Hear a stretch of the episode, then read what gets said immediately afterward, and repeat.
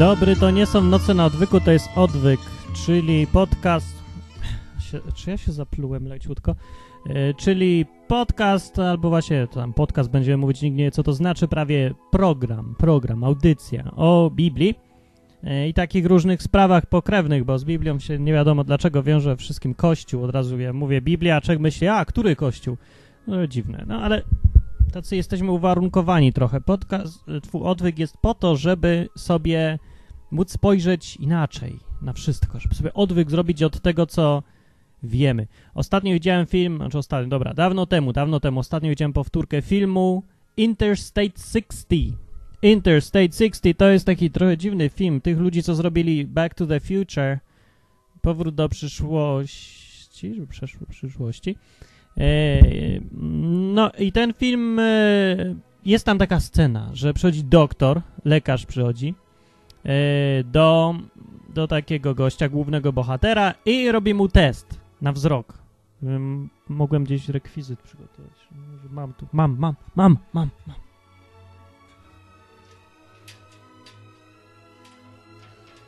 I robi mu taki test. I demonstruje już tym przyrządem do hazardu, może się znajdzie, jest taki. O, idealnie, ale jajo. No i tak. I pokazuję mu karty. I pokazuję mu tak.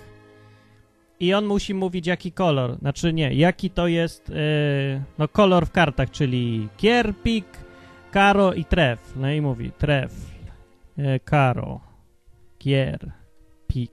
No i to dosyć szybko idzie, ale to jest dosyć łatwe przecież, więc człowiek tak mówi, całą talię powiedział i się pyta, czy zdał, a ten co testuje, nie.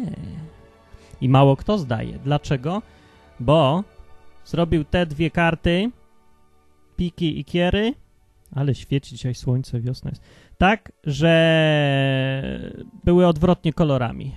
Piki były czerwone, to są piki, nie widać tutaj, ale tu jest jasno, rany.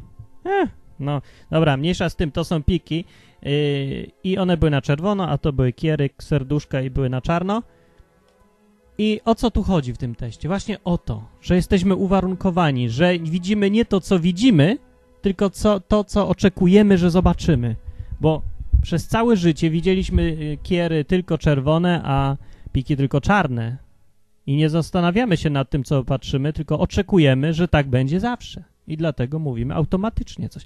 No, odwyk jest po to, więc pomyśl, pomyślałem sobie, że dobrze by było zrobić program, który będzie o Biblii mówił bez tego uwarunkowania, że będzie brał pod uwagę, że piki mogą być czerwone, a kara mogą być czarne. O. I dzisiaj odcinek będzie o tym, bo ja sobie przeglądałem, czy już był taki, ale chyba jeszcze nie była. Nawet jak był, to będzie taka powtóreczka lekka, inna, o najważniejszej sprawie, która wyróżnia e, chrześcijaństwo od wszystkich innych religii i to może być dobry program dla tych, którzy chcą wiedzieć, dlaczego tak bardzo różni się to od tych wszystkich religii takich innych, no, innych, no, islamu i tego, tych tam ze wschodu, prawda, i mitologii. W internecie dużo krąży, y, często, no krąży taki filmik, chyba Zeitgeist nazywa, że coś tam, w pierwszej części tego filmu autor chce obronić takiej tezy, że chrześcijaństwo i, znaczy Chrystus, o, znaczy dokładnie to Jeszua, y, Mitra, y, Kryszna i tam jakiś parę innych, Horus chyba, oni to właśnie, to wszystko jedno jest, to jest jedno i to samo, ta sama bajka, bo Y, oni mają cechy wspólne. No, mają cechy wspólne, nikt nie mówi, że nie mają. Jak się to tak przedstawi, to to widać, że mają jakieś cechy wspólne. Na przykład wszyscy tam są mężczyznami. Albo wszyscy mają jakieś ponadnaturalne tam rzeczy. No dobrze, ale to jest y, tak tendencyjnie na i głupia historyjka, że no po prostu można oglądać z takim lekkim niesmakiem no, i się załamać, że co ten facet gada z tego filmu, rany. Więc to, co najbardziej się rzuca w oczy, po prostu wali po oczach w tak oczywisty sposób, że no, można nie zauważyć, bo najciemniej pod latarnią, ale wali po oczach. W tej historii, co tutaj mam, to jest Biblia półtonowa. O ja. I to to, że relacja o przygodach Chrystusa, Mesjasza, Jezusa z Nazaretu, z Betlehem i tak dalej, y, jest historyczną relacją. Wszystkie inne to były mitologie. Na czym polega różnica? No na tym, że, no, że to się zdarzyło, a tam to było wymyślone. Że to może to nie jest żaden dowód przekonujący, jak się to tak mówi. Po prostu najlepiej jest porównać samemu, przeczytać po prostu mitologię grecką i przeczytać relacje na przykład Jana. I, ale to, co jest absolutnie najważniejsze w tej całej historii, to to, że yy, główny bohater w chrześcijaństwie, ten Jeszua, co to tam żył kiedyś, za okupacji Rzymu w Izraelu, na przecięciu różnych kultur, to, że umarł, to pół biedy, wszyscy umarli, pozostali też. Ale on ożył. No. I to jego ożycie jest najważniejszym pytaniem dotyczącym chrześcijaństwa. Bo jeżeli naprawdę tak było, to no to trzeba przyznać, że no to jest ta jedna prawdziwa religia, no ile to w ogóle można religią nazwać, bo chrześcijaństwo nie do końca religią jest, no to z Biblii. No ale dobrze, mniejsza z tym. To zawsze był najważniejszy problem, najważniejsze pytanie, czy on zmartwychwstał, czy nie. E, no i ponieważ ja nie wierzę, nie jestem typem człowieka, co wierzy w bajki, no nie wierzę, że Zeus istnieje, nie wierzę, że Horus, prawda, żył, chodził po ziemi, że coś. E, no, ten y, Mohamed to raczej był, to postać historyczna, chyba. Nie, nie sprawdzam do, aż do tego stopnia, właściwie to też nie wiem. Ale interesuje mnie tak, czy Jeszua jest postacią historyczną? Nie, no dobra, to raczej pewne, ale nie o to chodzi. Pytanie jest, czy ta relacja jest prawdziwa, czy nie? o nim, czy rzeczywiście to miało miejsce, czy konkretnie mówiąc zmartwychwstanie miało miejsce. Bo jeżeli nie miało, to całe chrześcijaństwo nie ma sensu. Po prostu był to kolejny człowiek, który powiada, po, no, a, podawał się za Mesjasza, nauczyciela, proroka, kogoś tam, ale no to co z tego? Umarł tak jak wszyscy, no i czym on tam się różni? No cuda robił, no to inni sobie też robili. W Starym Testamencie pełno jest ludzi, co cuda robili, a może nie takie, no dobra, ale i tak robili. Mm, nawet wzbudzali z martwych. Był. Był taki przypadek, był opisany. Dobra, ale to jest najważniejsze. Czy zmartwychwstał? Bo tego, no to trochę o własnych siłach to nikt z grobu nie wstaje, jeżeli jest tylko człowiekiem. To już jest uuu, grubsza sprawa, wyższa półka. Dokładnie, wyższa. Dobra, relacja więc o zmartwychwstaniu jest ważna. I odpowiadanie sobie na pytanie, jak to naprawdę z tym było, jest ważne. I za źródła, z których czerpiemy informacje o tym, trzeba odrzucić od razu z tych źródeł tak. Babcie, księdza, ciocie, to co ci się przyśniło w nocy, yy, to co widziałeś na obrazku jakimś, to nie są żadne źródła. Źródła, na podstawie których oceniamy, czy coś miało miejsce w historii, czy nie, to są relacje świadków, najlepiej naocznych, Mogą być też świadkowie, którzy ze świadkami naocznymi mówili, takie bardziej już pośrednie, jeszcze dopuszczalne, trzeba zbadać lepiej. E, najlepiej relacje więcej niż jednego świadka. Zresztą sama Biblia mówi, nawiasem mówiąc, żeby się wszystko opierało na relacji dwóch albo trzech świadków, nigdy jednego. E, no, co jeszcze? No, mówię, no właściwie tyle. O, no oczywiście archeologia, fakty dotykalne jakieś, E, datowania nie, bo te metody są do tyłka, więc właśnie to trudno. Znaczy, no, można przyjąć różne metody datowania, e, ale no, no, one, no, one nie za dobre są, one są źle wykalibrowane jakieś. Że tak naprawdę nie sposób ich wykalibrować. Wszystko, co historycznie da się określić datę, jest jak najbardziej dowodem akceptowalnym i trzeba uznać, że tak było wtedy. No. Tak to się mniej więcej robi wszędzie, przed każdym sądem i w ogóle wszędzie. No, no rany, skądś musimy znać prawdę, nie? Jako ludzie. I ślady z przeszłości, dowody, relacje świadków są dowodem, że coś miało miejsce na tyle, na ile w ogóle jesteśmy coś w stanie poznać. No ale dobra, jeżeli jest dym, to znaczy, że się musiało palić. Tak? Jeżeli więc jest relacja świadka, to coś musiał widzieć. E, ważne są też motywacje tego świadka i tego ludzie też się mogą czepiać. Ale zanim się przyczepimy historii zmartwychwstania, to najpierw ją przeczytam z tej wersji dziwnej komentarz żydowski do Nowego Testamentu. Taka gruba księga i właściwie to jest Nowy Testament też. Taka lekka parafraza z punktu widzenia żydowskiego. Bardzo fajna rzecz, powiem. No, bardzo fajna e, i pozwoli spojrzeć na sprawę, właśnie przez to, że to jest nieznane przez nikogo tłumaczenie, pozwala to spojrzeć na sprawę bez tego uwarunkowania wcześniejszego, jak mówiłem. Bez tego, że piki zawsze są czarne, kiery zawsze są czerwone.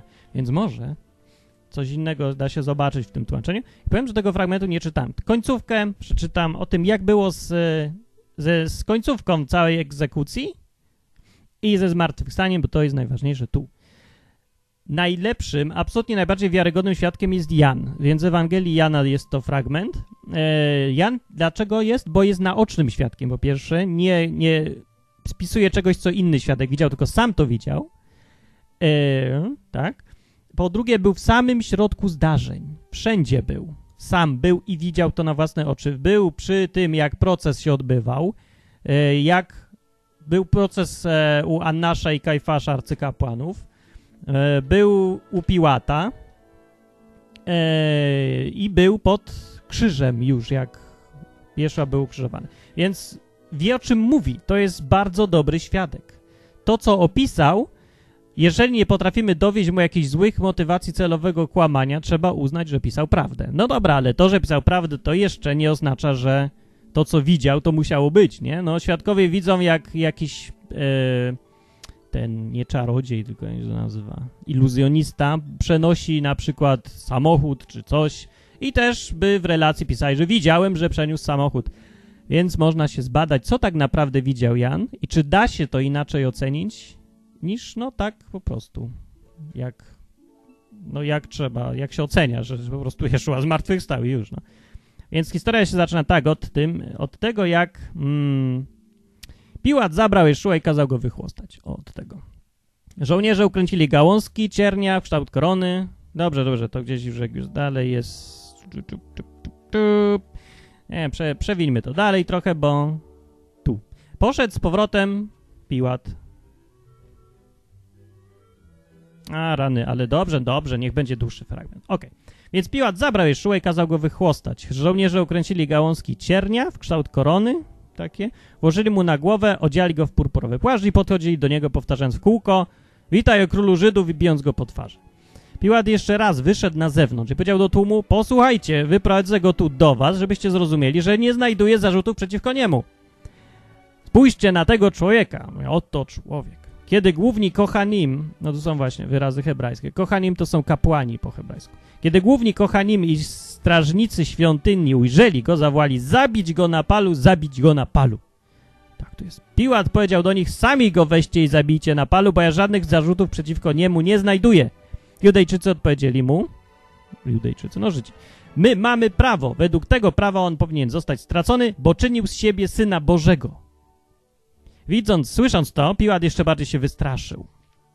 Poszedł z powrotem do siedziby dowództwa, i, zapytał Jeszua, skąd jesteś? A Jeszua nie odpowiedział. Więc Piłat powiedział do niego, nie chcesz ze mną rozmawiać? Czy nie rozumiesz, że mam władzę albo cię wypuścić, albo kazać cię stracić na palu? Jeszua odrzekł, nie miał być nade mną żadnej władzy, gdyby ci nie była dana z góry. Dlatego ten, który mnie tobie wydał, jest winny większego grzechu. Słysząc to, Piłat usiłował znaleźć jakiś sposób, żeby go uwolnić, ale Judejczycy krzyczeli, jeżeli uwolnisz tego człowieka, to znaczy, że nie jesteś przyjacielem cesarza. O, polityka się zaczyna. Każdy, kto się podaje za króla, sprzeciwia się cesarzowi. Tak go podeszli. Kiedy Piłat usłyszał, co mówią, wyprowadził Jeszły na zewnątrz i usiadł na tronie sędziowskim w miejscu zwanym Brukiem, po aramejsku Gab, Gabta. Było około południa w dniu przygotowania Pesach, Paschy. Powiedział do Judejczyków, oto wasz król. Oni zawołali, zabierz go, zabierz go, strać go na palno. Chyba Piłat zwariował, żeby jeszcze ich denerwować takim, oto wasz król. No. Piłat rzekł do nich, chcecie, żebym stracił na palu waszego króla? Świat był głupi naprawdę chyba, albo nie znał tej kultury, albo nie wiem. Główni kochanim odparli, nie mamy innego króla prócz cesarza. To też what? What? Żydzi? Ci, co się buntowali cały czas? No ładnie. To tak jakby Radio Maria powiedział, nie mamy innego kraju niż Unia Europejska. No to mniej więcej tak. Dobra, wtedy Piłat wydał im Jeszua, aby go stracono na palu. No i tak to się zaczęło. Teraz pytanie, ta relacja do tej pory, czy ona mogła zostać w ogóle zapisana? Czy ona jest wiarygodna? Czy ktoś mógłby być w tych wszystkich miejscach i słyszeć, że tam się tak działo? No bo, no wiecie, no jak się pisze opowiadania, bajki, historyjki, to nikt sobie nie zawraca głowy tym, że, no, że to nie, ponieważ to nie są relacje, tak? To można sobie wymyślić, co się chce i opowiadać coś, czego nie można byłoby wiedzieć inaczej, gdyby to było w rzeczywistości. Inaczej mówiąc, chodzi mi o to, że jeżeli na przykład ktoś siedzi sam w pokoju i nie ma żadnych świadków, a on powie, o, zupa pomidorowa dzisiaj była dobra. I jeżeli ktoś napisze, że Martin siedział sam w pokoju i powiedział, że zupa pomidorowa była dobra, to wiadomo, że ta relacja jest zmyślona, bo on nie miał możliwości wiedzieć, co ktoś mówi sam przecież. Nie było świadków, nie miał z kim pogadać, nie miał skąd się dowiedzieć, skąd on to wie. Znikąd. Wymyślił sobie, ergo historia jest nieprawdziwa. Pytanie jest o to, czy ta historia mogła być w ogóle prawdziwa, czy trzeba ją odrzucić od razu, bo nie miał możliwości Jan tego wszystkiego widzieć, słyszeć, dowiedzieć się od innych świadków.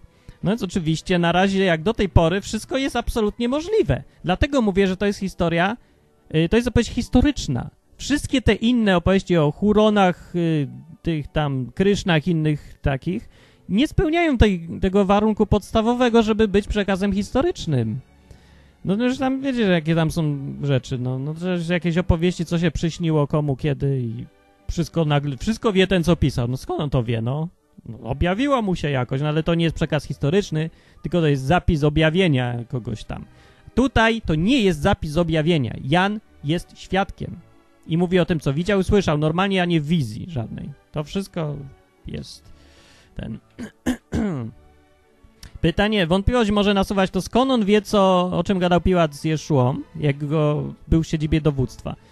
No więc no, takie rzeczy nie odbywały się raczej, yy, no, dwie osoby i nikogo więcej. Tam są i słudzy, i poddowódcy zawsze siedzą, i sekretarz, i pisarz, który spisuje. Pisarze często tam właśnie potem opowiadają, co się działo. A Jan, jak wynika z innych tu fragmentów, yy, znał trochę to towarzystwo. Kanały swoje miał, no.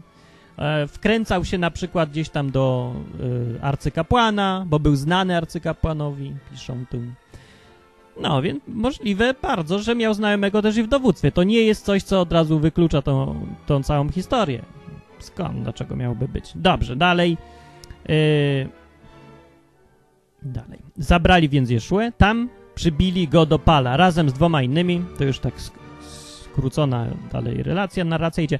Wyszedł na miejsce zwane czaszką, po aramejsku Gulgota. Tam przybili go do pala razem z dwoma innymi, po jednym z każdej strony, a Jeszue w środku. Piłat kazał też napisać i przybić na palu informację, która głosiła Jeszua z Naceret, król Żydów, taki napis. Wielu Judejczyków czytał tę informację, bo miejsce, gdzie przybito Jeszuę do pala było blisko miasta. No więc znowu publiczne miejsce, wszystko można było widzieć, nie co się działo. A była ona wypisana po hebrajsku, łacinie i grecku. Główni kohanim, kapłani Judejczyków, powiedzieli więc do Piłata, nie pisz król Żydów, ale że powiedział jestem królem Żydów. Piłat odparł, com napisał, tom napisał. Dajcie mi święty spokój. No dobrze, nie powiedział dajcie mi święty spokój. Kiedy żołnierze przybili Jeszłę do Pala, wzięli jego szaty i podzielili na cztery części, po jednej e, dla po jednej, po jednej dla każdego żołnierza. I została jeszcze spodnia tunika. A tunika była utkana bez szwów, od góry z, do dołu, z jednego kawałka, no, fragment dla krawcowych. Powiedzieli więc sobie, nie powinniśmy rozdzielać jej na kawałki i ciągnijmy nią losy. I stało się tak, aby wypełniły się słowa Tanach, czyli pisma. Podzielili moje ubrania między siebie i grali o moją szatę. Dlatego żołnierze tak postąpili. To już, o widzicie, to już nie jest fragment y, narracji, tylko trącenie autora. I tu widać też, nie? Od razu. To, to pisze o swojej tutaj już, on widzi w tym e, porównanie tego, co było napisane w prorocach w Starym Testamencie i tym, co się działo dalej. O, podal miejsca egzekucji Jeszuły. Jeszui stała jego matka, siostra jego matki Miriam. Siostra jego matki? Siostra... Siostra jego matki to jest jego ciotka. Tak? Co to tak? No może... No dobra, żona Klofy. Kto to jest Klofan, for goodness sake? Oraz Miriam z Magdali. No. Kiedy Jeszua ujrzał swoją matkę i Talmida, którego kochał. Teraz Talmid, ważne słowo po hebrajsku, jest przetłumaczone po polsku jako uczeń. E, tutaj w tym tłumaczeniu zachowano słowo Talmid, albo Talmidim, liczba mnoga. Talmid to jest uczeń, taki hebrajski uczeń rabina. To jest strasznie trudno wytłumaczyć, co to, to był ten Talmin. No ja wiem, czy jak strasznie trudno nie tak strasznie, ale kiedyś wytłumaczę, bo na dziś teraz nie będę tłumaczył. Uczeń, powiedzmy w skrócie. E, uczeń taki w tamtym sensie. Więc stał ten Talmid, a no, Jeszua ujrzał swoją matkę i Talmida, którego kochał. Właśnie świadka, świadka, świadka. Powiedział świadek, że był tam, tutaj właśnie. Stojących tam powiedział do swojej matki, matko, oto twój syn, powiedział. A potem powiedział do Talmida, oto jest twoja matka. I odtąd Talmidów zabrał ją do swego domu. No, tam sobie mieszkali. Potem, wiedząc, że wszystkie rzeczy osiągnęły już swój cel, Jeszua, aby wypełnić słowa Tanach, to wtrącenie znowu jest interpretacją, dalej już jest relacją, znowu powiedział, chce mi się pić. Mówi świadek, to wszystko widzi. Było tam naczynie pełne taniego, kwaśnego wina. Zamoczyli więc tym winie gąbkę, zatknęli ją na hizop i podali mu do ust. Kiedy Jeszua skosztował wina, powiedziało, dokonało się. Opadła mu głowa i oddał ducha. Umarł znaczy. Świadek stwierdza, że umarł. Ten, o kim mówiłem. Był to dzień przygotowania. Judejczycy nie chcieli, żeby ciała pozostawały na placach w szabat. Ważna rzecz będzie. Ponieważ był to szczególnie ważny szabat. Poprosili więc Piłata, aby kazał połamać mu nogi i usunąć zwłoki. No, e, przyszli żołnierze i połamali nogi pierwszemu człowiekowi, wiszącemu na palu obok Jeszui, w trakcie jak on żył, takie nieprzyjemne, że to wszystko jest nieprzyjemne. Yy, a gdy podeszli do Jeszui spostrzegli, że już umarł, no ci z tą muzyczką, spostrzegli, że już umarł, nie łamali mu nóg. Jednak jeden z żołnierzy przebił mu włócznią bok i od razu wypłynęła krew i woda. Bardzo ciekawy szczegół. Dlaczego wypłynęła krew i woda? E, wrócimy do tego. Człowiek, który to widział, zaświadczył o tym, a jego świadectwo jest prawdziwe. Podkreśla to tutaj. E, Jan tu napisał, człowiek, który to widział, zaświadczył o tym. To on to widział. Mówi, że ja to widziałem, jestem naszym świadkiem, zaświadczam, że tak było. O i wie on, że mówi prawdę, abyście i wy mogli zaufać, tam uwierzyć. Bo rzeczy te wydarzyły się, aby się, dobra, dobra, dobra, już tam yy, wtrącenie. Potem Józef z Ramataim, który był talmidem Jeszui, ale potajemnie, ze strachu przed Judejczykami, zapytał Piłata, czy może dostać ciało Jeszui. Piłat dał zgodę, Józef więc przyszedł i zabrał ciało. Również Nakdimon, który z początku poszedł do Jeszui nocą, przyszedł i przyniósł ponad 30 kg wonności, mieszanki mirry i aloesu. O, takie perfuma. Wzięli ciało Jeszui i owinęli je wełniane prześcieradła wraz z wonnościami, zgodnie z judejskim zwyczajem pogrzebowym. Niedaleko miejsca, gdzie go stracono, był ogród, a w ogrodzie nowy grób, w którym jeszcze nikogo nie pochowano, a ponieważ był to dla Judejczyków dzień przygotowania i ponieważ grób był niedaleko, tam właśnie pochowano Jeszue. Czy te wszystkie wydarzenia można uznać za historyczne, możliwe do y, relacjonowania przez świadka? Oczywiście, że tak. Y, ten ostatni fragment, skąd on wie, że jakiś Józef z Ramataim, który był talmidem, y, wziął ten ciało i Nagdimon, no znał ich, no przecież on też był talmidem Jeszui, nie? Tak jak i ten Józef z Ramataim, więc od nich oczywiście wiedział wszystko, co się działo. Yy, fakt też, że Jan tak dokładnie yy, mówi imiona, mówi, wymienia te imiona, to no wiecie, bo to, to wygląda bardzo niebajkowo, tylko historycznie. No jak się mówi, no królewna Śnieżka, to nie jest królewna Śnieżka z Katowic, urodzona w roku 1923, bla, bla, bla, bla tylko po prostu ktoś tam. A tutaj nie ma ktoś tam, to są autentyczni ludzie, którzy wszystko wskazuje na to, faktycznie żyli wtedy i skądś tam są zawsze, gdzieś tam mieszkają i tak dalej. No historyczna relacja jak nic. Dalej, teraz najważniejszy fragment jest. Wcześniej pierwszego dnia tygodnia, kiedy jeszcze było ciemno, w niedzielę znaczy, Miriam z Magdali poszła do grobu i zobaczyła, że odsunięto kamień z grobu. Kamień z grobu odsunięto? Kamień? Pobiegła więc do Szymona Kefy i drugiego Talmida, tego, którego Jeszua kochał i powiedziała im, zabrali Pana z grobu i nie wiemy, gdzie go położyli. No. Wtedy Kefa i ten drugi Talmid się wkurzyli i ruszyli do grobu. Obaj biegli, ale drugi Talmid przegonił Kefę i pierwszy dotarł do grobu. No, nachylając się, zobaczył leżące tam lniane płótna pogrzebowe, ale nie wszedł do środka. I zaraz za nim, no musiał dużo widzieć tych... Yy, no, bardzo dobra muzyczka. Musiał widzieć jakieś CSI, zagadki kryminalne, wie, że nie wchodzi się na scenę zbrodni. Prawda? No i zobaczył tam, yy, nie wszedł do środka, zaraz za nim przybył Szymon Kefa. Wszedł do grobu, ten, to, to wchodził wszędzie, i zobaczył leżące tam płótna pogrzebowe, a także chustę, która była wokół jego głowy, leżącą nie razem z płótnami, ale złożoną w osobnym miejscu. Eee, Wtedy ten drugi Talmid, który przybył do grobu pierwszy, też wszedł. Y, I zobaczył i uwierzył. No. Nie doszli jeszcze do zrozumienia, że Tanach naucza, iż Mesjasz ma powstać z martwych i dopiero teraz właśnie zrozumieli. No i co dalej było? Taka historia z tego zmartwychwstania. Jeszcze dalej są relacje Talmidim. Uczniowie wrócili więc do domu, ale Miriam stała na zewnątrz i płakała. Płacząc, nachyliła się i zajrzała do grobu. Skąd on to wie? Przecież poszedł do domu dopiero co. Pytanie by tutaj ktoś uważny zadał. No, no co, no powiedziała mu później, no rany. Więc pewnie to jest relacja Miriam. Yy, I zobaczyła dwóch aniołów w bieli, siedzących tam, gdzie było ciało Jeszui, jednego u wezgłowia, drugi u stóp. Czemu płaczesz? zapytali. Zabrali mojego pana, odrzekła im i nie wiem, gdzie go położyli. Kiedy to powiedziała, odwróciła się i zobaczyła stojącego tam Jeszuę, ale nie wiedziała, że to on. E, Jeszua powiedział do niej, pani, czemu płaczesz? Kogo szukasz? Sądząc, że to ogrodnik, rzekła do niego, panie, jeśli to ty go wyniosłeś, powiedz mi tylko, gdzie go położyłeś, a pójdę i sama go wezmę. Po co ona go chciała brać już właśnie? Dobra, Jeszua powiedział do niej, Miriam! Odwracając się, krzyknęła do niego po hebrajsku, Rabani, czyli nauczycielu. Przestań mnie obejmować, powiedział do niej Jeszua, bo jeszcze nie wróciłem do ojca. Ale idź do moich braci i powiedz im, że wracam do mojego ojca i waszego ojca, do mojego Boga i waszego Boga. Ten fragment można uznać, że jest mniej wiarygodny. Dlaczego? Bo y, na, na bank pochodzi on z y, relacji Miriam. No bo to akurat już miało miejsce, jak wszyscy uczniowie poszli. Została sama Miriam, widziała aniołów, coś tam. No więc coś powie, że mogła się koloryzować, będąc w stresie, w rozpaczy i w ogóle. I no można tak powiedzieć, ale czy ja wiem, czy jest powód jej nie wierzyć, skoro tak twierdzi, że widziała? No, jeden świadek mało wiarygodny właściwie. Dobra, okej, okay, niech będzie. Są, dobrze, to zostawmy ten fragment. Miriam z Magdali poszła do Talmidim z wieścią, że widziała Pana i że tak jej powiedział. Uczniowie też jej nie uwierzyli, nawiasem mówiąc.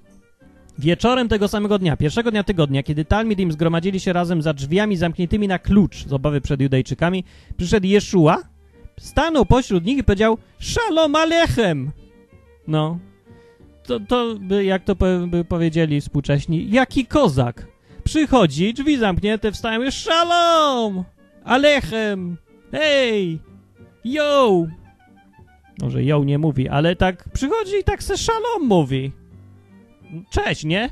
To tak by, nie wiem, przyszedł człowiek, zabili go, wyjechał, zamordowali, torturowali i nagle wchodzi ci do domu i mówi cześć, cześć, mówi szalom. Nie? To się wydaje mi dziwne, tylko no pewnie tak, dobra. Pozdrowiwszy ich, pokazał im swoje ręce i swój bok. Powiedział, tak, nie wiem jak on pokazał, się zastanawiam, jak on to pokazał ten bok. Nie, tak przychodzi i mówi, cześć. Dzień dobry, nie? Coś takiego, jakoś tak, jak on to pokazał? Nie wiem, tak patrzcie, haha, tada. Nie, to też chyba nie. Właśnie nie umiem sobie tego wyobrazić, tej sceny. Pokazał im ręce i Bóg. Nie wiem, przed i mówi szalom, mówi. Tak. Nie mówił, mówił tak bardziej wesoło, czy bardziej był smutny, czy taki poważny. Wiem, zawsze się pokazuje w takiej sytuacji, że Jeszua taki poważny, jest taki, taki dostojny. Najlepiej jeszcze z takim palcem i z aureolą na czele, ale nie, no, jak to było w rzeczywistości mnie interesuje. Nie wiem, ja znając go, to mi się tak normalnie dos, tak wygląda tak, tak po prostu, tak wiecie, tak normalnie, no. Przyszedł i mówi, no szalom i pokazał im ręce. To właśnie tego nie łapię, jak tak ostentacyjnie przed rękę chciałem wam pokazać. Nie, nie wiem. Nie, dobra, nie wiem naprawdę i nie potrafię sobie wyobrazić tej sceny. Eee, no ale pokazał im, w każdym razie tak tu mówi Jan, który tam był, Johanan dokładnie mówiąc. Yy, no i wszedł, pozdrowiwszy ich, pokazał im swoje ręce i swój bok. Talmidim nie posiadali się z radości na widok Pana. No musiał nie być jednak aż taki poważny, no bo się przerzucieszyli strasznie. Jakby był jakiś dziwny, to by się przestraszyli. Może i się przestraszyli, ale zaraz potem się ucieszyli. Musieli go poznać. Że to faktycznie on. Szok. Szalom Alechem, powtórzył Jeszua, tak jak ojciec posłał mnie, tak ja posłam i was. Powiedziawszy to, tchnął na nich i powiedział im, tchnął na nich, powiedziawszy to tchnął na nich i powiedział im, przyjmijcie Ruach HaKodesz, czyli Ducha Świętego.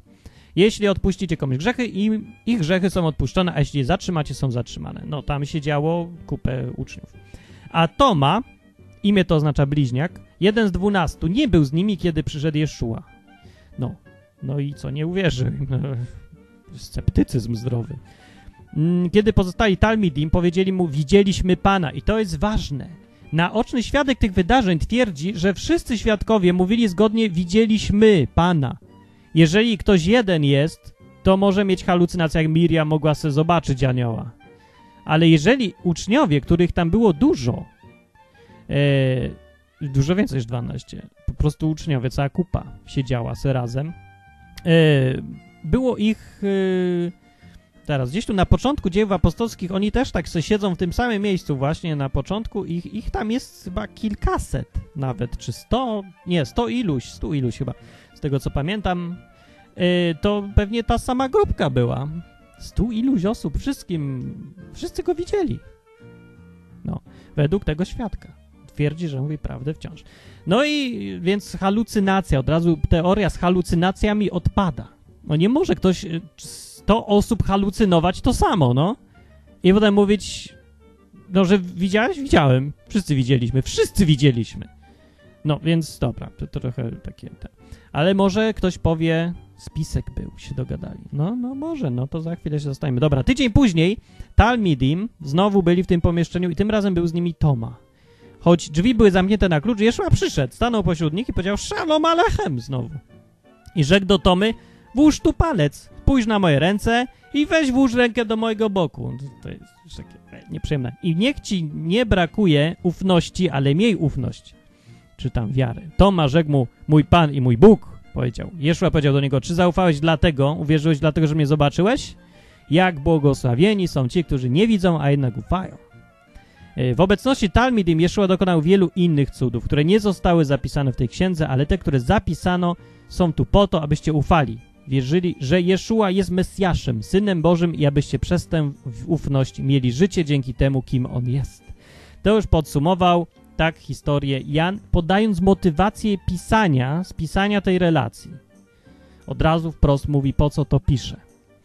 Eee, no, potem jeszcze na koniec taki epilog Potem Jeszua, cały rozdział jest tego, jak się Jeszua pokazywał. Potem Jeszua okazał się Talmidim znowu nad jeziorem Tyberiackim, a było to tak i tutaj opisuje, ale tego już nie będziemy czytać.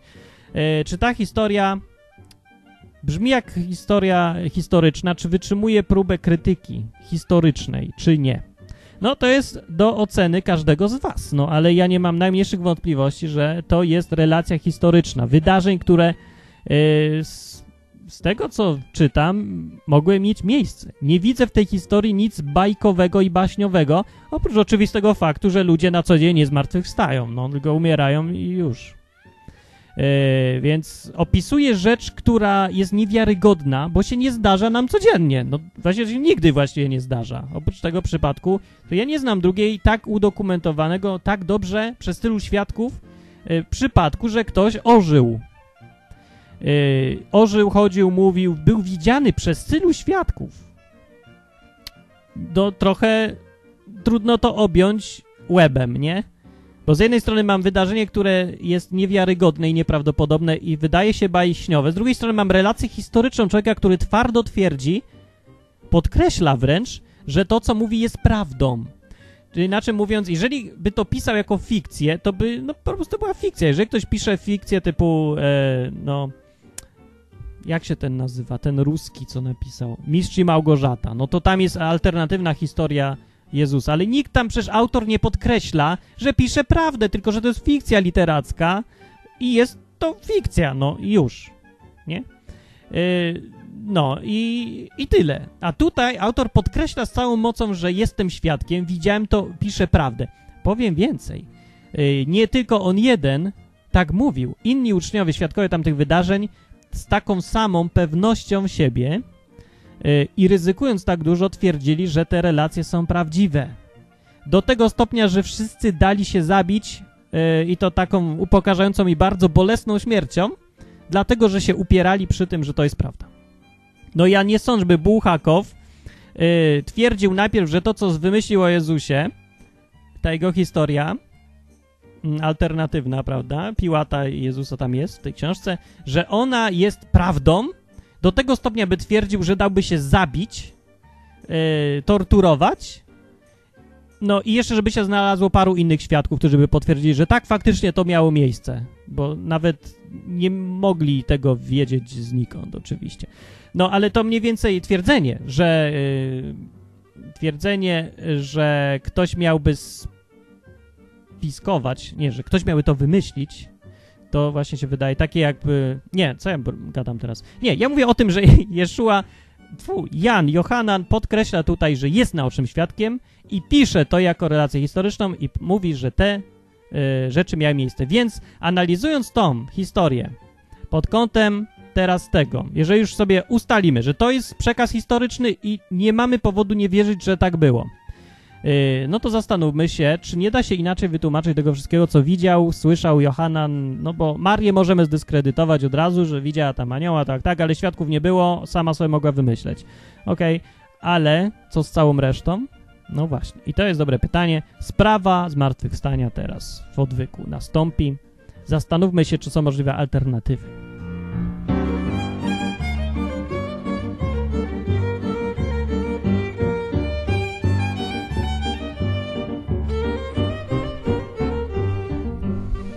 Opcja pierwsza to był jeden wielki spisek uczniów. Eee, no, więc teoria numer jeden, spisek. Teorie spiskowe ostatnio są strasznie modne, tym bardziej, że zaczynają się dziać dużo dziwnych rzeczy, typu jakiś samolot wpada w World Trade Center i, i właściwie tyle. Czy jakieś inne są zdarzenia? Co ten, nie wiem, że McDonalda źli ludzie zbudowali, żebyśmy wszyscy umarli od przeżarcia. Nie wiem, jakieś takie dziwne są teorie, ale bywają spiski. Pamiętam, że kiedyś była taka afera Watergate. Jeden, czytałem książkę jednego faceta, co brał udział w tej aferze i się zna na spiskach, bo od środka je przeżył. No i w aferze Watergate brało udział kilka osób, nie tyle co tutaj, no nie 100 osób, które się umówiły, że będą twierdzić twardo, że Jeszua y, żyje. Wtedy właśnie, tak jak Johanan opisuje tutaj, że siedzieli razem, widzieli dwukrotnie jak przyszedł, wszyscy widzieli to samo twierdzą. Y, Johanan tak mówi też, który tam był jednym z nich.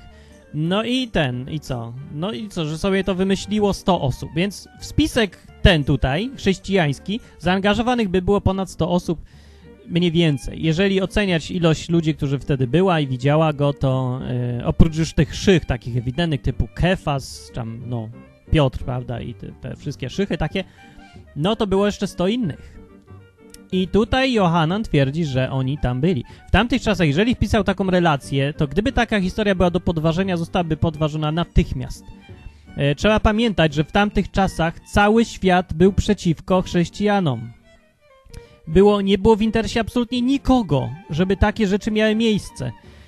Yy, chrześcijanie byli uciszani przez kogo się tylko da, przez władze żydowskie, przez władze rzymskie i przez zwykłych ludzi. Bo, znaczy przez zwykłych ludzi to właśnie nie były, ale przez władze, wszystkich, każdego, kto miał jakąkolwiek władzę, był uciszany, cała ta historia była uciszana i przemilczana, bo była bardzo nie na rękę.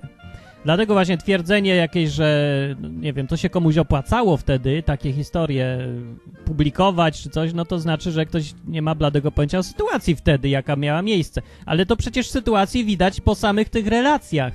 E, przywódcy żydowscy skazali tego Jeszułę na śmierć, doprowadzili do, tej, do egzekucji, mimo że wiedzieli, że jest niewinny we wszystkim, oprócz tego, że się podawał za Boga. Właśnie za bluźnierstwo go zamordowali ale w taki trochę przesadzony sposób i to tak na maksa, bo normalnie to wiecie, kamieniowanie i już, święty spokój, ale to było publiczna egzekucja w najbardziej upokarzający sposób.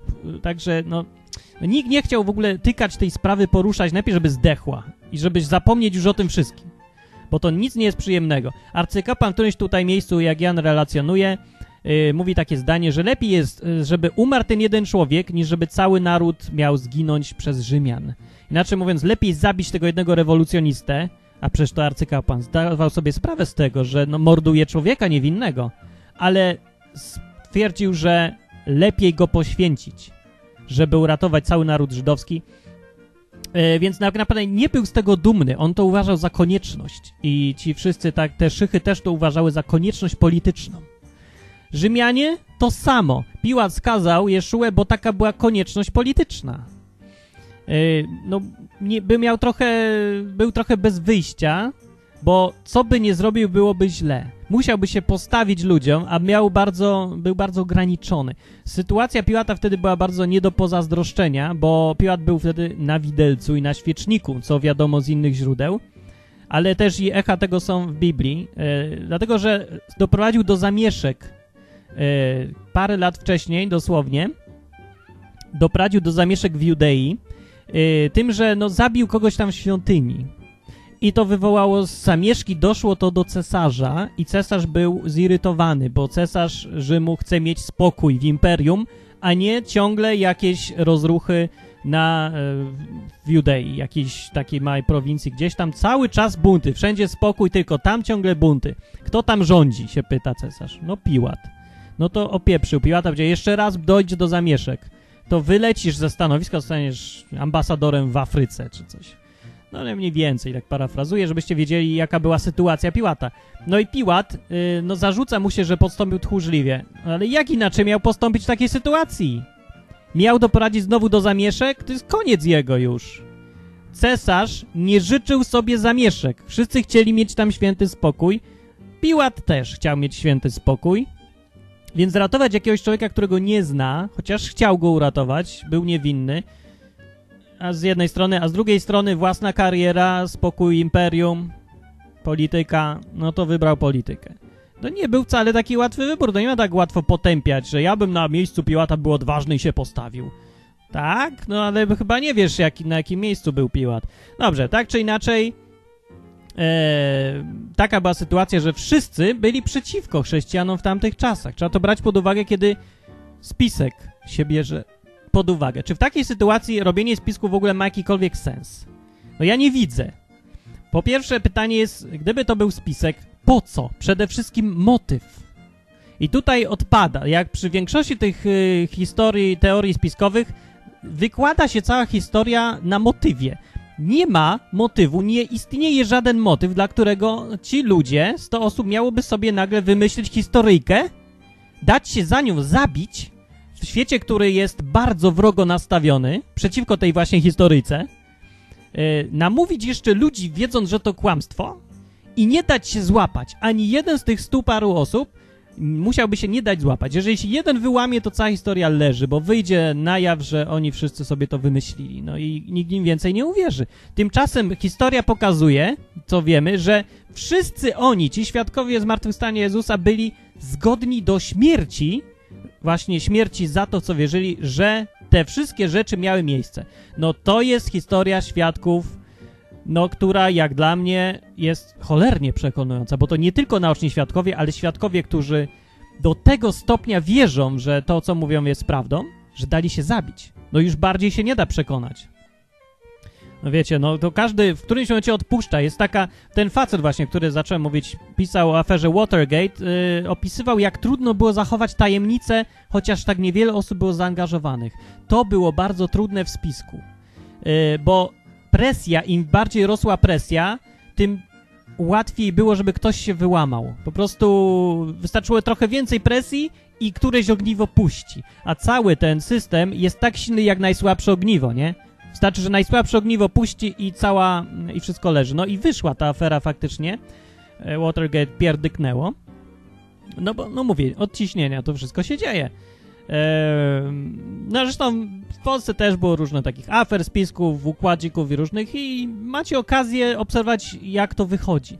Czy potraficie sobie wyobrazić 100 osób zaangażowanych w spisek, którzy nie byli politykami zawodowymi, tylko zwykłymi ludźmi, więc nie mieli treningu w ukrywaniu prawdy tak dobrze, yy, którzy jakoś z dnia na dzień sobie postanowili, ale może i planowali dłużej, spisek, yy, nie mając przywódców, jakoś tak, kto właściwie wymyślił ten spisek? No to, to nie ma, że 100 osób naraz coś wymyśla. Kto był przywódcą? Johanan, który to opisywał, Piotr i parę innych?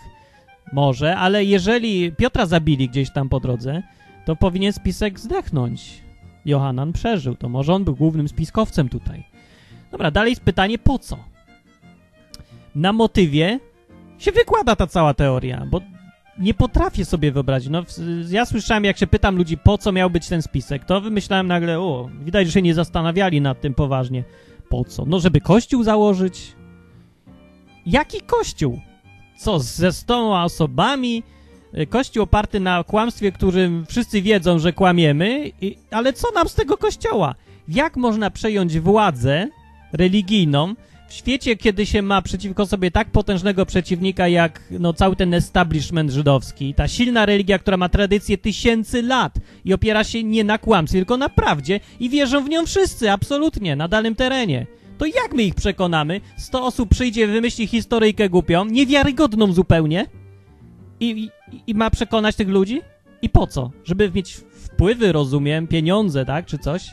No to to głupi sposób jest bardzo bym powiedział, że to, to jest wariactwo jakieś tego. No dobrze, ale e, jeżeli nawet przyjmiemy, że to było dla pieniędzy ostatecznie, dla władzy i pieniędzy, no to, e, no to kłamstwo, to spisek kłamstwo, to dalej nie pasuje do tej tezy to, że oni się dali zabić. No rany, jeżeli ktoś chce pieniądze, no to wiadomo, że no, pieniądze to są tylko pieniądze. No nie daje się zabić po to, żeby mieć pieniądze, bo już nie będzie miał pieniędzy, no. To się przed śmiercią by się przyznał, dobra, kłamałem, zależało mi na pieniądzach, tylko mi dajcie żyć. No przecież wiadomo, że pieniądze mu są po to potrzebne, żeby je wydawać, a nie żeby umrzeć i mieć pieniądze w przyszłości. Nie, nonsens. Ta teoria nie ma kompletnie żadnego sensu, chyba że ktoś wymyśli motywację. Gdyby nawet tak było, gdyby był rzeczywiście spisek, no to dobrze. Weźmy pod uwagę techniczną stronę, jak oni mieli to wszystko zrobić. Jeszua, że żył, to wiadomo. Yy, więc musieli wymyślić, że zmartwychwstał historyjkę. Jak by się do tego zabrać? Yy, bo tak, po śmierci, zakładając, że go zabili, tak, wszystko byli świadkowie, dosyć dużo było świadków, no tam stało, no to jest miejsce publicznych egzekucji. To nie tak, że da się kogoś yy, zabić tak, żeby go nie zabić, żeby udawał, hej, ja ci teraz udam, że wbiłem ci dzidę nie? A ty będziesz udawał, że umarłeś. I tam wszyscy patrzą dookoła, a skazany mówi, dobra, bo, bo fajna będzie impreza. No tak, tak, taki kawał. Please. Jakiś sensu trochę wprowadźmy w te nasze rozważania. No dobrze, najpierw jeszcze spisek. Weźmy ten spisek. Yy, zabrali już ciało tego Jezusa, schowali do grobu. Gdzie był grób? Wiadomo. Yy, był w grobie i święty spokój nastał ale y, Żydzi pamiętali, że ten y, Jeszua zapowiadał, że coś z martwych stanie.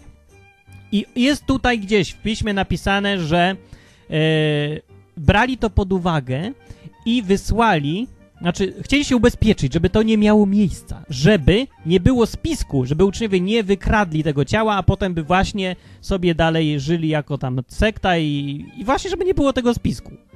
Więc oni jednak wierzyli, że spisek jest możliwy. E, na pewno by nie uwierzyli, że jak się przyciśnie tych ludzi, to nie, nie przyznają się, że, że, że to wszystko była bójda. No ale i tak nie chcieli spisku tak czy inaczej. Pewnie by sobie z nim poradzili, a nie chcieli rozruchów. Więc się zabezpieczyli jak? Dogadali się z Piłatem, żeby obstawił strażom grób. Co to była Straż Rzymska? E, w takich wypadkach brało się 12 osób którzy pracowali na cztery zmiany. Yy, trzy grupy, znaczy były to cztery grupy po trzy osoby. I zawsze trzy grupy pilnowały, jedna spała. Yy, czy tam po trzy. trzy. No dobra, trzy razy cztery w każdym razie. Jedna grupa spała, reszta pilnowała. Tak, żeby 24 godziny na dobę zawsze ktoś pilnował. No tak to działało wtedy. No kara za niedopilnowanie była śmierć. Kara za zaśnięcie nie wtedy, kiedy trzeba, śmierć. No nie, że tam żołnierze, żołnierze pewnie się tam trochę, no wiadomo, trzymali razem, nie, no, nie, a nie donosili na kolegów, ale 12 osób, no to trzeba pilnować. Zresztą to grubsza sprawa, polityczna jakaś, trzeba pilnować. Głupia robota, ale trzeba siedzieć, no. No i siedzieli. Ale więcej. Przed tym yy, grobem, który to była po prostu jaskinia w skale. No i do skal y, było wejście przed tym, zawalone kamieniem, tak jak tu jest napisane. Te kamienie, co wiemy z innych źródeł historycznych, ważyły około tonę. To nie kamyczek, tylko tonowy kamień. Jak więc je tam, no, zasuwano? Jak, jak przykładano ten kamień do wejścia? Zasuwano, bo to było takie kółko jakby. No i się tak pch, pch, pch, to kółko trzeba było toczyć, no ale to nowe koło kamienne toczyć to też, no, nie jest łatwe, ni maletko, no. Więc to trochę siły trzeba. Dobrze, i jak wiemy z tej relacji, człowieka, który był tam, no, był przy tym grobie, wiedział, znał świadków, którzy go tam Jeszue do grobu składali, znał całą topografię miejsca. Yy, był też potem, jak sam opisuje, bardzo dokładnie opisuje to zdarzenie, kiedy przyszedł do grobu, musiał bardzo zapamiętać i to też się zgadza z jakimś takim psychologicznym, e, tym, co się powinno dziać w człowieku, kiedy nagle leci do grobu. Po prostu zapamiętał wszystkie takie drobiazgi. Pamiętał, że chusta leżała osobno, pamiętał, że co tam było, pamiętał, że sam, że przybiegł pierwszy, poczekał, przyszedł drugi, dopiero weszli. Zapamiętał te rzeczy szczegółowo. Dlaczego? Bo to było ważne dla niego zdarzenie w życiu, bo tak jak sam tutaj twierdzi, uwierzył od tego momentu dopiero. Tak naprawdę wtedy uwierzył, więc to było zdarzenie bardzo kluczowe w jego życiu. Dlatego też to się zgadza wszystko, ta relacja, z tym, co powinien napisać w tej sytuacji. No wszystko to pasuje po prostu. Yy, zapamiętał to wszystko szczegółowo. No i dobrze, kamienia nie było, kiedy on przybiegł. Nie było też straży. What? Na pewno, no, spodziewali się, że będzie. Wiedzieli, że jest. Eee, ale nie był. Jak to się stało? No jeżeli zakład, da, załóżmy, że on to rzeczywiście zełgał. Jak to mogło być naprawdę? Teoria jest taka, że przyszli uczniowie i zabrali ciało. Dobrze, ale co ze strażą? Przekupili?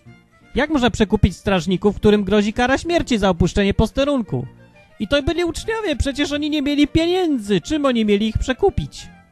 No to inaczej, nie da się przekupić, to może zastraszyć. Rzymian? Żołnierzy? Rzymskich? Przecież e, Żydzi nie mieli nawet prawa nosić mieczy wtedy, ani żadnej broni. Jedyne co mogli mieć to noże. Z nożem kuchennym przeciwko Rzymianom? Dwunastu? Zawodowym?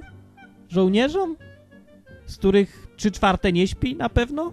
A tam ci reszta się zaraz obudzi? No, trochę nie widzę tego jakby. I to jeszcze trzeba zrobić po cichu. Komandosi może, tak? Od tylca. Wiadomo, Żydzi, Mossad.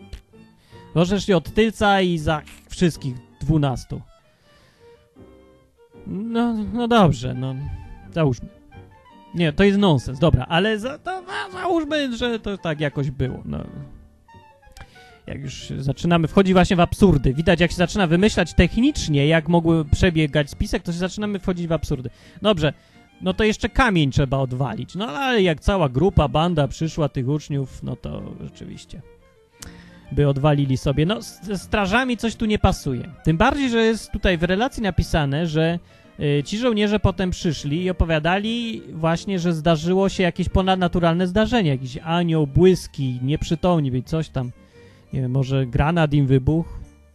No to dziwnie. No i żołnierze, którzy wiedzą, co im grozi za to, opowiadali takie rzeczy. No, to też dziwna ta relacja była. No ale dobrze, to wszystko mogło też być wymyślone, no, świadek twierdzi, że jednak widział to, co widział, więc zarzucanie mu tu spisku to się robi takie... Znaczy nie ma podstaw, on tak powiem, zarzucać mu spisku. Dobra, no tak czy inaczej ta historia wygląda trochę niewiarygodnie spisku, bo to było technicznie nie do zrobienia.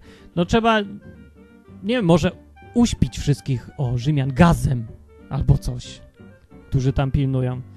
Tak, żeby nie zauważyli, a potem odwalić ten kamień, albo coś i zabrać to ciało. Gdzie oni zabrali to ciało? Następnie się pytanie jest. No takie ja wiem, że banalne się wydaje, no gdziekolwiek, no ale konkretnie gdzie? Gdzie zabrali ciało tak, żeby potem nikt tego nie odkrył? Żeby nikt się nie sypnął z tych stu osób. Gdyby nikt y, przy torturach, groźbie śmierci y, i zabicia na przykład swojej rodziny też, no samymi rodzinami ich zabijali, y, żebyś nie sypnął, nie wydał. Czy to jest możliwe, żeby tyle osób naprawdę nie wydało? Nic? No, nie jest. Jak dla mnie ta historia opada, odpada hipoteza jako no, kompletnie absurdalna, bez sensu i głupia. I przede wszystkim dlatego, że dalej nie ma ciągle motywu.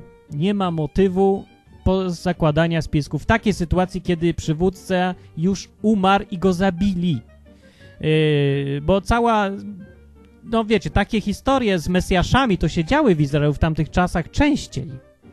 Ale nigdy wcześniej nie miało miejsca coś takiego, że Mesjasz się okazał faktycznie Mesjaszem, bo wziął i ożył. robił cuda, też się tak nie zdarzało. Wszyscy wcześniejsi Mesjasze byli politycznymi wywrotowcami raczej. E, I po prostu przemawiali płomiennie, mówili, że są tam Bóg wie kim, prorokiem, takim, siakim. Cudów to tam tak nie robili szczególnie, ale pociągali tłumy charyzmą, e, co było łatwe, bo taka sytuacja była polityczna, jaka była. No, ale Jeszua nie dość, że robi te wszystkie cuda, to tam mniejsza z cudami, ale że zmartwychwstał, to jest trochę już szokujące i to jest coś, co wyróżnia tą historię ze wszystkich innych, jak mówiłem. E, przekaz historyczny wskazuje dalej na to, że chyba było tak, jak było. Ale dobra, jest druga koncepcja. Kończymy powoli, bo już prawie godzina, a ja znowu się nie mam czasu, bo mam koncert, no ale... Druga koncepcja jest taka, że Jeszua tak naprawdę nie umarł, tylko przeżył. Najpierw przeżył, że go biczowali, wyrywali mu tam mięso, no to się przeżywa czasami, tak. E, no on przeżył, przeżył, tak. Przeżył to, przeżył to, ale to człowiek słaby jest dosyć. No dobrze. I potem na tym krzyżu to on też przeżył. No, nie wiem. Rzymianie stwierdzili, którzy byli no, zawodowcym, za, zawodowymi katami w tych sprawach, byli egzekutorzy, którzy się znają na zabijaniu, no co, no to byli zawodowi mordercy. To tak jakby powiedzieć, że Leon zawodowiec nie potrafi stwierdzić, że ktoś umarł. No, chyba potrafi. No ale załóżmy, że, no, nie wiem, śmierć kliniczna? Z wycieńczenia? Na krzyżu była? Czy on może Jeszua zasnął na chwilę? Yy, bo był już słaby, to tak zasnął i wszyscy myśleli, że umarł. Załóżmy. No, dobrze, no to jeszcze podszedł żołnierz i przebił mu serce. No więc z dziurawym sercem Jeszua przeżył. Please. Był tam zapis, że wyleciała y, z organizmu wtedy mu krew z wodą.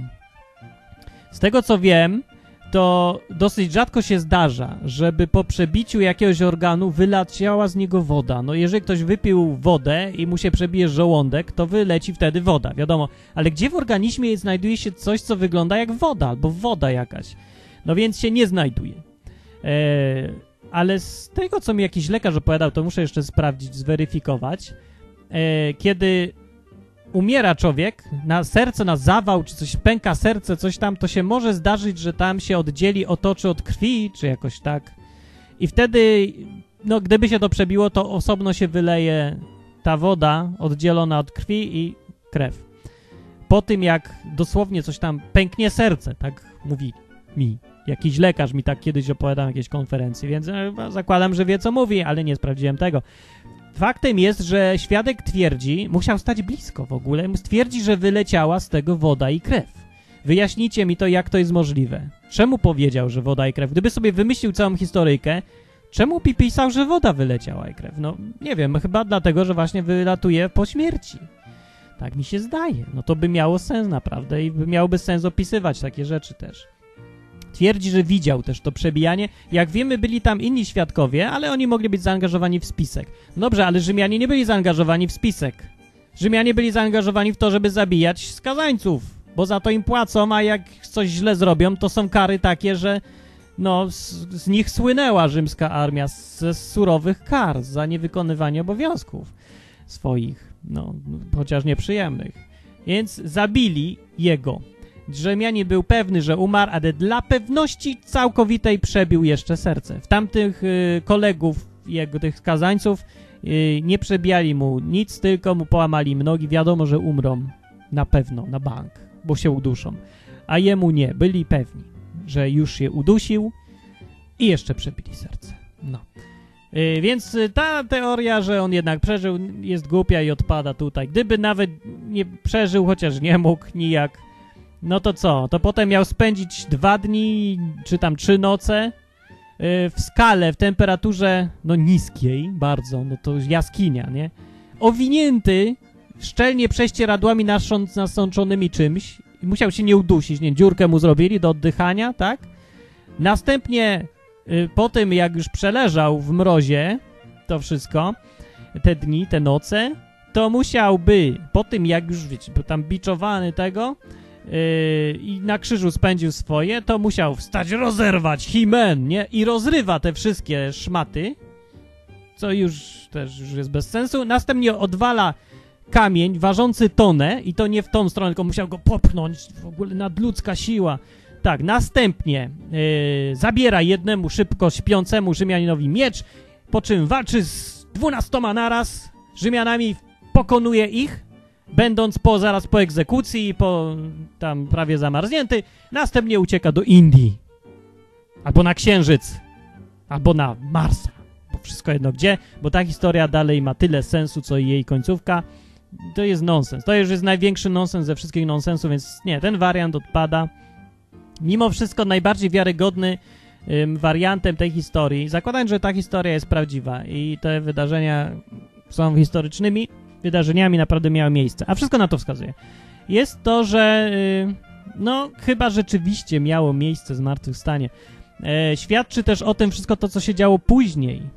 E, czyli, i to chyba najgłośniej świadczy, czyli to, że świadkowie dali się zabić za tą prawdę. To absolutnie przeczy wszystkiemu, co wiemy o naturze spisków. E, no i ilość ludzi zaangażowanych w ten spisek jest absolutnie szokująca. Nigdy, nigdy żaden spisek o takiej skali, przy takiej ilości ludzi e, nie był w stanie wytrzymać długo. Na pewno nie tak długo. Yy, no poza tym, no jeżeli się już wierzy w to, że, że ta, ta cała teoria jest wewnętrznie sprzeczna, bo chrześcijanie według tego, co, jeżeli wierzyć tym wszystkim relacjom, no w taki oczywisty sposób, że rzeczywiście Jeszua zmartwychwstał, że obiecywał im życie po śmierci, jeżeli będą w Niego wierzyć. No bo na tym, do tego się sprawdza chrześcijaństwo. Jeżeli więc w to wierzyli, to rzeczywiście chętnie by się dali zabić, bo wiedzą, że mają coś lepszego. I są pewni, bo widzieli na własne oczy zmartwychwstanie i to wszystko zmieniło. Bo wiedzą, na, już na pewno, bo widzieli, że można, że jest ktoś silniejszy od samej śmierci. I to daje takie skrzydła człowiekowi, taką pewność, że jest w stanie wytrzymać tortury, śmierć i wszystko i wytrzymać bo w to wierzy, bo widział. Więc ci ludzie wszyscy, y, no, z tej, tej dwunastki, wszyscy oprócz Jana właśnie, dali się za to zabić. Musieli w to wierzyć naprawdę mocno i ma to sens rzeczywiście, jeżeli Jeszua rzeczywiście zmartwychwstał, jeżeli w to wierzyli.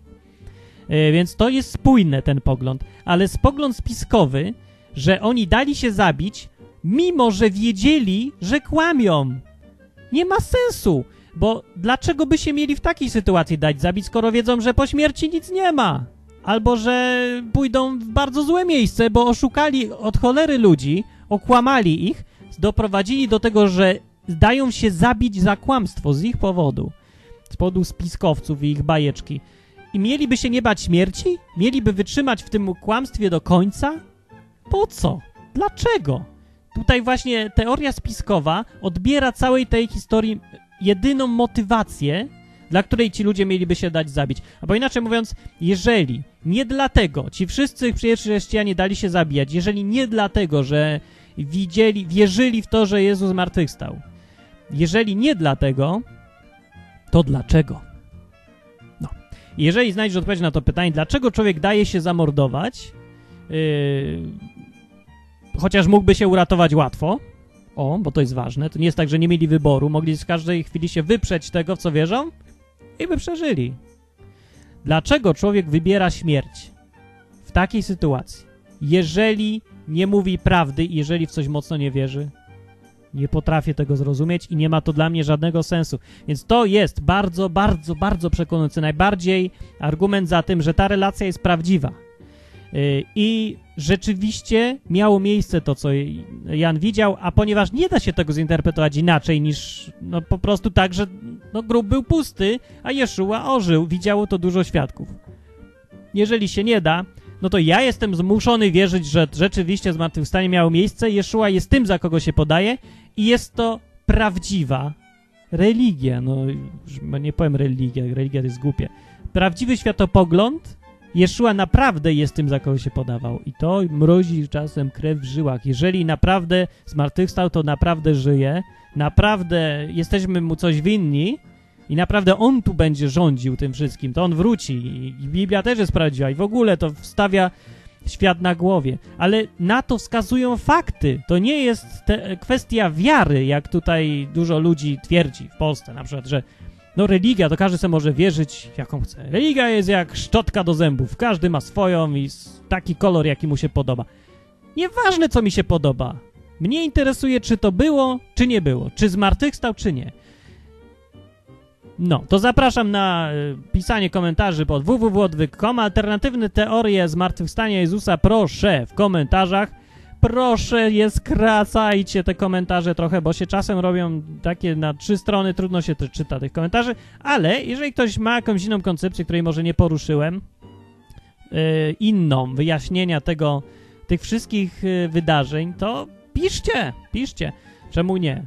Ja chętnie poczytam, no i się zastanowimy. O, o co tu chodzi, żeby pomyśleć samemu.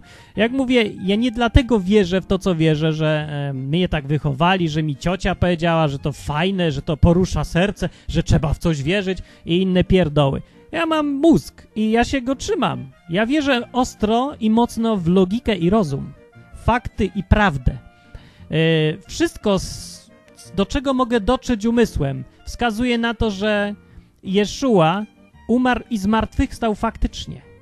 E, co czyni wszystko to, co powiedział prawdziwym, o ile wierzyć e, zapisowi, zapisom świadków, a wyglądają wiarygodnie.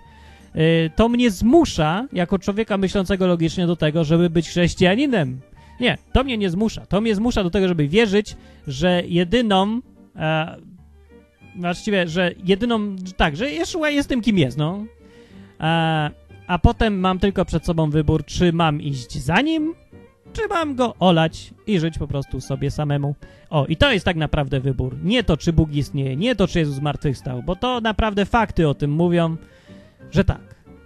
Prawdziwy wybór i dylemat człowieka to jest tak, taki, czy żyć dla siebie i robić co chce, czy uznać zwierzchnictwo Boga i Mesjasza Je Jezusa. I to jest prawdziwy dylemat człowieka, z którym każdy już sobie musi sam poradzić, a ja nikomu tutaj nic nie podpowiem. Znaczy, mogę i podpowiedzieć, ale to naprawdę jest już osobista rzecz. Natomiast kwestia tego, czy zmartwychwstał, to nie jest osobista rzecz, to jest kwestia dowodów, yy, myślenia, logiki, rozumu. Dobrze jest się trochę przeprosić powolutku z tym rozumem i wprowadzić element logiki, myślenia, faktów, sprawdzalności, do swoich y, takich spraw związanych z wiarą, Bogiem i takimi rzeczami, nie? Bo, bo to naprawdę, nawet jeżeli to jest wiara, religia, to, to nie, naprawdę nie jest powiedziane, że tutaj rozum, rozumowi wstęp zbroniony, tutaj tu się nie myśli logicznie, to jest Kościół. No to, bo do czego to prowadzi? Choćby nie wiem, co to było, to logi brak logicznego myślenia i zakaz wstępu dla rozumu zawsze doprowadzi do czegoś głupiego i złego. E, jeżeli Bóg jest, to z pewnością nie ma nic przeciwko rozumowi. Ktoś, kto wymyślił to wszystko, stworzył to wszystko, musi mieć czachę jak arbuza większą, dużo. I rozum jest czymś, e, co jest jego główną na pewno zaletą i coś, czemu na pewno się nie będzie przeciwstawiał, jeżeli będziemy myśleć no i ja to założenie mnie doprowadziło do bardzo fajnych wniosków, fajnego życia w ogóle. Ja to polecam. Trzymać się rozumu, myśleć, trzymać się prawdy. w ten sposób można prawdę odkryć, kiedy się mówi rozumowi wstęp zbroniony, bo tu tylko wiara obowiązuje i uczucia i wszystko. No to się będzie wierzyć w nieprawdę. No i już głupoty po prostu. No, to czy to warto? Warto dla dobrego samopoczucia chwilowego wierzyć, albo dla świętego spokoju wierzyć coś, co jest nieprawdą? Albo może być? Bo ci się nie chce sprawdzić? Nie warto, no, no nie warto. Dobrze, kończę, kończę. To był odwyk, e, odcinek, wow, wow, jaki długi, ponad godzinę. Przepraszam bardzo, ale mnie się poniosło mnie, a ja dzisiaj nie mam czasu, bo mam koncert. To ja idę, to ja znikam. To pa, na razie piszcie komentarz, tak jak mówiłem, www.odwyk.com. Jeżeli uważacie, że się odwyk przydaje, to też zostawcie tam na tacy co łaska. Tace znajdziecie na www.odwyk.com. Tace. tace.